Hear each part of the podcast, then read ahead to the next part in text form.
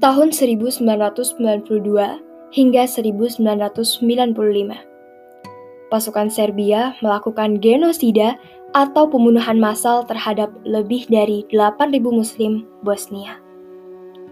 Melihat kondisi ini, Presiden Soeharto dengan gagah berani berkunjung ke Bosnia dalam rangka mendukung kemerdekaan Bosnia. Semenjak kunjungan itu, didirikanlah masjid untuk rakyat Bosnia dari rakyat Indonesia. Istiqlal Sarajevo Istiqlal artinya kemerdekaan. Masjid ini adalah bentuk persahabatan, doa, dan harapan rakyat Indonesia untuk kemerdekaan Bosnia. Maka, sebagai pemuda Indonesia, kita patut berbangga karena negara kita punya sejarah mulia yang diakui dunia.